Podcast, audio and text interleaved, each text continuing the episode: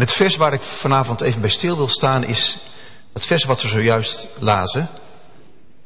Dankt God in alles, want dit is de wil van God voor u in Christus Jezus. Gemeente van onze Heer, zelfhulp, zelfhulp is booming business. Als je online gaat kun je niet ontkomen aan de vele sites en blogs die zich specialiseren in persoonlijke groei. Het spirituele magazine Happiness is al jaren een van de meest populaire tijdschriften in ons land. Ja, zelfhulp is, zou je kunnen zeggen, het nieuwe ding. En geluk de nieuwe categorie waaraan de perfecte mens moet voldoen.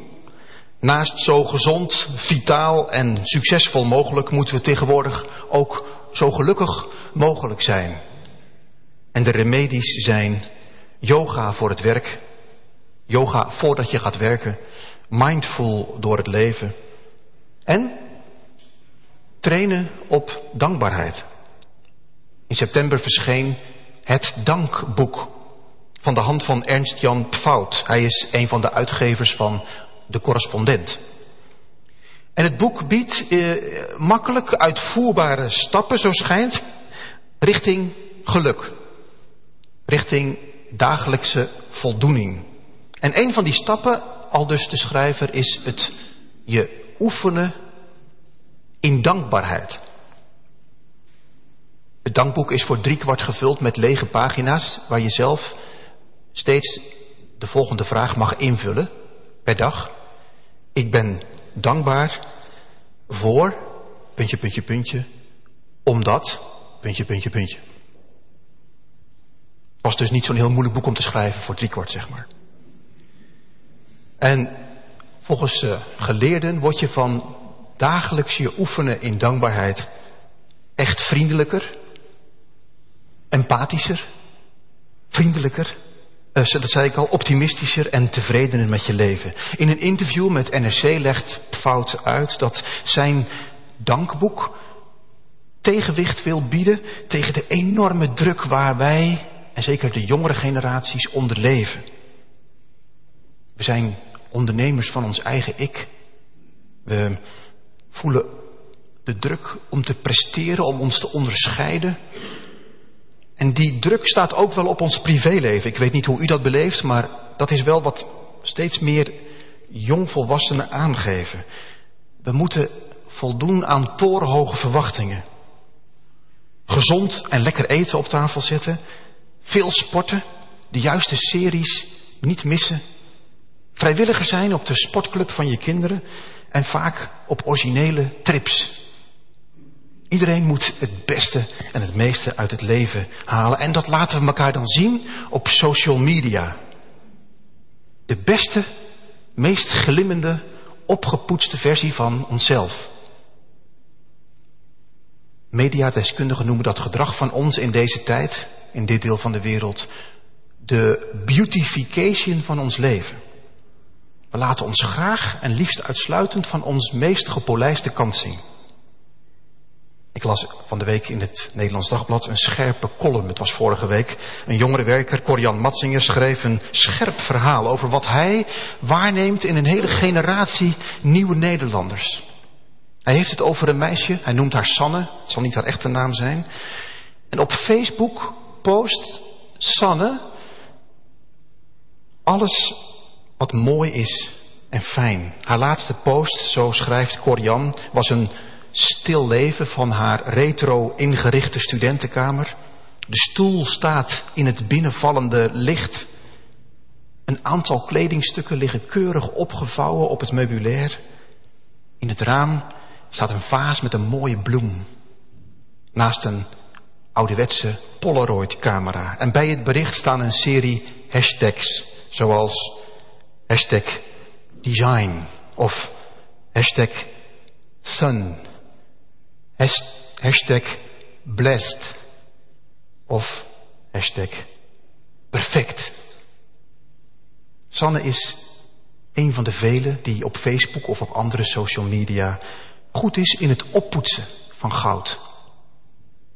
Maar het is helaas niet alles goud wat er blinkt. In werkelijkheid worstelt deze Sanne al maandenlang met oververmoeidheid, met somberheid. Die honderden vind ik leukjes en bless my life berichtjes, ze zijn eigenlijk in haar leven een enorm rookgordijn. Een zorgvuldig opgebouwd imago van lucht en leegte. En als reactie op dit wijdverspreide gedrag, deze beautification, lanceerde onlangs een jonge journaliste een nogal forse hashtag.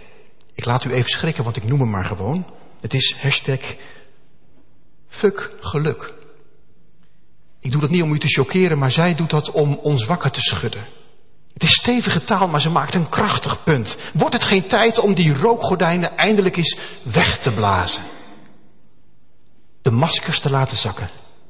En elkaar niet langer wijs te maken dat ons leven picobello is en glanst en glimt. Nou, genoeg erover. De schrijver van het dankboek, Ernst Jan Fout, bedoelde zijn boek oprecht als een poging om iets tegenover die druk te zetten. Door niet per se een nieuwe wet van wees dan maar dankbaar te creëren, maar juist echt oprecht te groeien in het besef hoeveel we, zegt hij dan, in het leven ontvangen, krijgen, zonder dat we het verdienen, zonder dat we daar een prestatie voor hebben geleverd.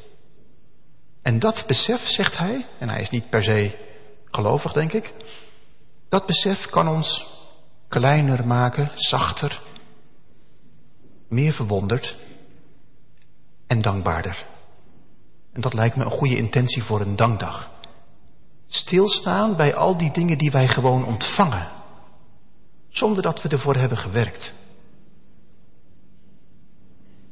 De opbrengst van het land, daar hebben we voor gewerkt, maar het eigenlijke geheim voltrekt zich toch terwijl we slapen, zou je kunnen zeggen. De oogst, ons dagelijks werk, de voorwaarden en omstandigheden waardoor wij het leven kunnen leiden wat we leiden, de rust, de relatieve welvaart, voor de meeste van ons. De ruimte die u, jij en ik hebben om onze bijdrage te leveren aan de samenleving, naar de taak en de rol, de gaven en talenten die we hebben gekregen. Laten we vanavond stilstaan bij wat we ontvangen en niet hebben verdiend niet hebben gepresteerd. En dat brengt ons bij Paulus als hij zegt, dank God in alles. Want als hij dat woordje danken gebruikt, dan gebruikt hij in het Grieks het woordje eucharisteo. Daar zit het woord eucharistie in. En het betekent letterlijk van genade spreken. En genade is nu juist dat in de Bijbel wat we niet verdienen, maar wat we gratis, om niet in de schoot geworpen krijgen. Spreek in alles van genade, zegt de apostel. Die aansporing, dank God in alles, is eigenlijk een soort PSje onder deze brief. Een beetje zoals u, als u moeder bent of vader, misschien doet als u een van uw kinderen of broer of zus, als u afscheid neemt. En die ander gaat op reis, of is een dag of meer weg, je partner. En net bij het afscheid, door het open autoraampje of net voordat de schuifdeuren van het vliegveld dichtgaan, roep je nog net die laatste dingen. Ik weet niet wat u dan roept, maar het hangt een beetje af van wie het is waarschijnlijk, maar ik hou van je. Ik mis je nu al. Doe je voorzichtig. Pas goed op jezelf. Maak er iets moois van. Neem voldoende rust. Doe je geen gekke dingen. Wees niet bang. Je kunt het. En dan gaat het autoraampje dicht of de schuifdeuren sluiten zich en weg is hij of zij. Nou, zo moet je die PS'jes bij Paulus lezen. Hij, hij, is hij, doopt voor de laatste keer zijn, zijn, zijn pen in de inkt, zeg maar, en dan ja, dan gaat hij afronden en dan, dan, komen die hartekreten haast vanzelf. En ze zijn allemaal staccato. Ze zijn allemaal gewoon one-liners. Die, die er zo uitrollen. Wees altijd verheugd. Bid zonder ophouden. Doof de geest niet uit. Veracht de profetieën niet die hij u ingeeft. Onderzoek alles. Behoud het goede. Vermijd elk kwaad. En dan dus ook deze. Dank God in alles. Is typisch Paulus. Je komt ze echt in zijn brieven keer op keer tegen. Die, dit zit, zit dicht in zijn hart. Die aansporing om God te danken. Colossense 3 vers 15. Wees ook dankbaar. In vers 17 van Colossense 3. Doe alles wat u zegt of doet in de naam van de Heer Jezus, terwijl u God de Vader dankt door Hem. Colossense 4. Blijf bidden, wees waakzaam en dankbaar. Nou, nog eentje dan. Filippenzen 4, vers 4. Ik zeg u nogmaals, wees altijd verheugd. Laat iedereen u kennen als vriendelijke mensen. Vraag God wat u nodig hebt en dank Hem in al uw gebeden.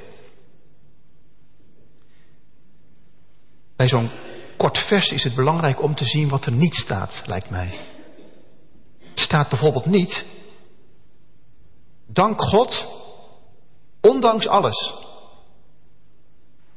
Als dat er zou hebben gestaan, dan zou het een aansporing zijn om dankbaarheid uit je leven te persen. Er is van alles wat het zou verpesten, maar, zeg, maar zet hem op. Krik jezelf op tot de dankzegging. Tegen heug en meug. Tegen wil en dank. Dat staat er niet. Er staat ook niet. Dank God op zijn tijd. Op een prachtige dag. Op zon- en feestdagen.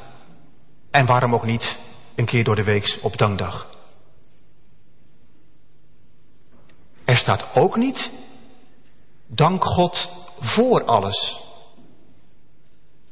Er kan in een mensenleven veel naars gebeuren. Eén bericht van de dokter kan je hele leven op zijn grondvesten doen schudden.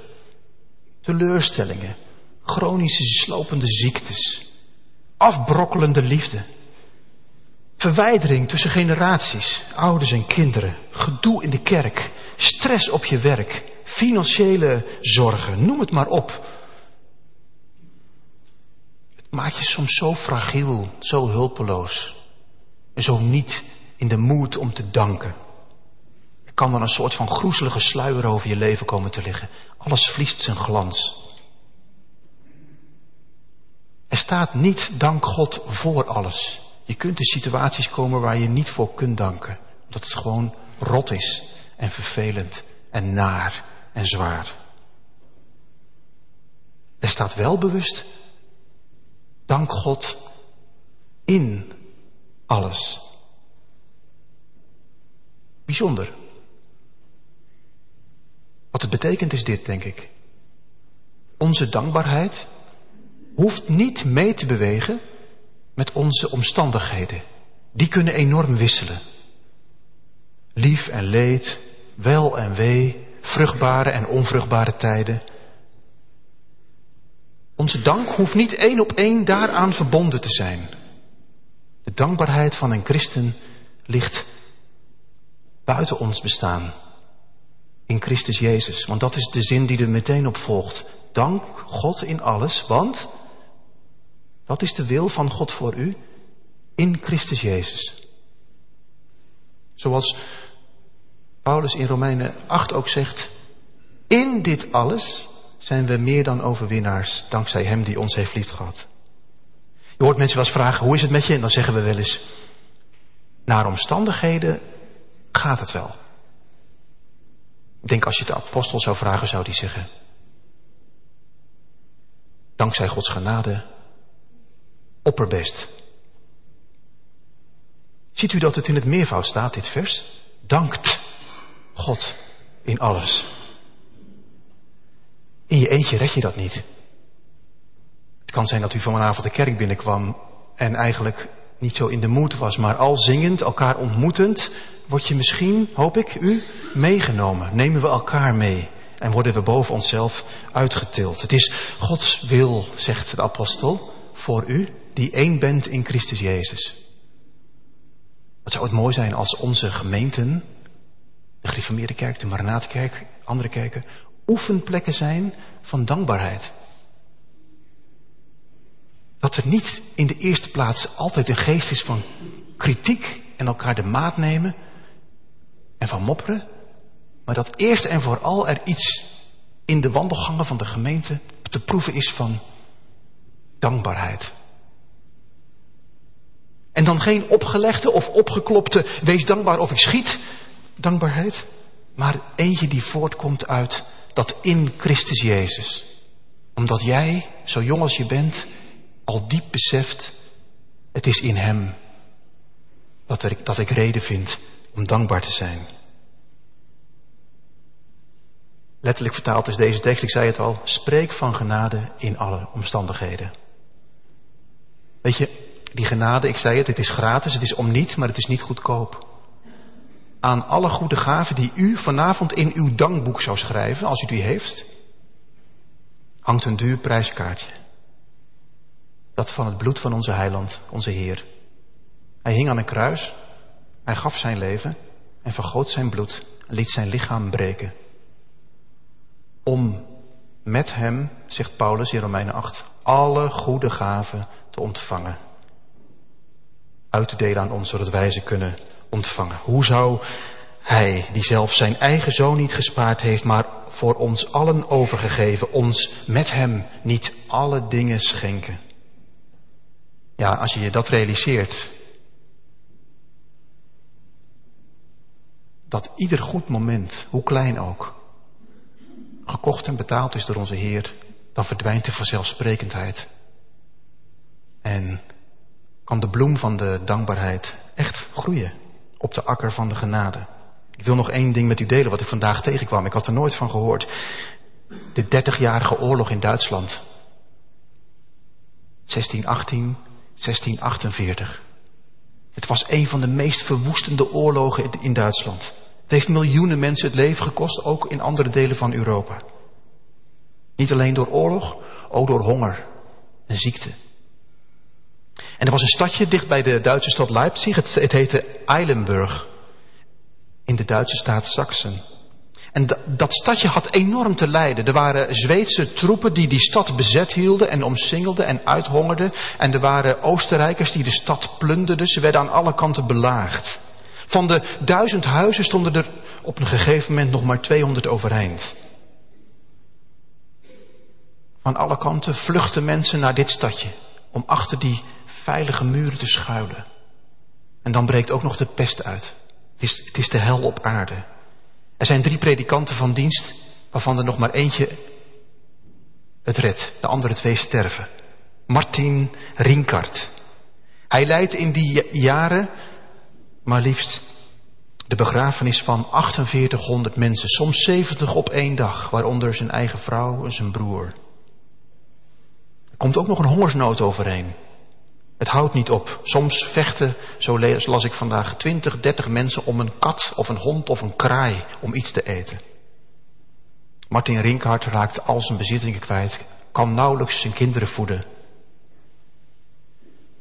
En toch wordt zijn geest niet gebroken. Hij gaat al die jaren, 30 jaar lang, 31 jaar lang, hij sterft één jaar na die oorlog. 30 jaar lang heeft hij die mensen daar bemoedigd, gezegend, van huis tot huis. Weet je wat het geheim was? Dat kon je lezen op zijn zegelring. Op zijn zegelring stonden zes letters. M, V, S, I, C, A. En die zes letters die las hij elke keer als hij iemand zegende. Voor iemand bad. Iemand bemoedigde. Iemand begroef. En die zes letters stonden voor zijn lijfspreuk. Zijn credo, waar hij mee, waar hij mee leefde en voorleefde en ook mee zou sterven. En die zes letters staan voor dit zinnetje. Mijn vertrouwen steht in Christo alleen. Mijn vertrouwen staat in Christus alleen. Dat was zijn geheim. Daar zat zijn vastigheid.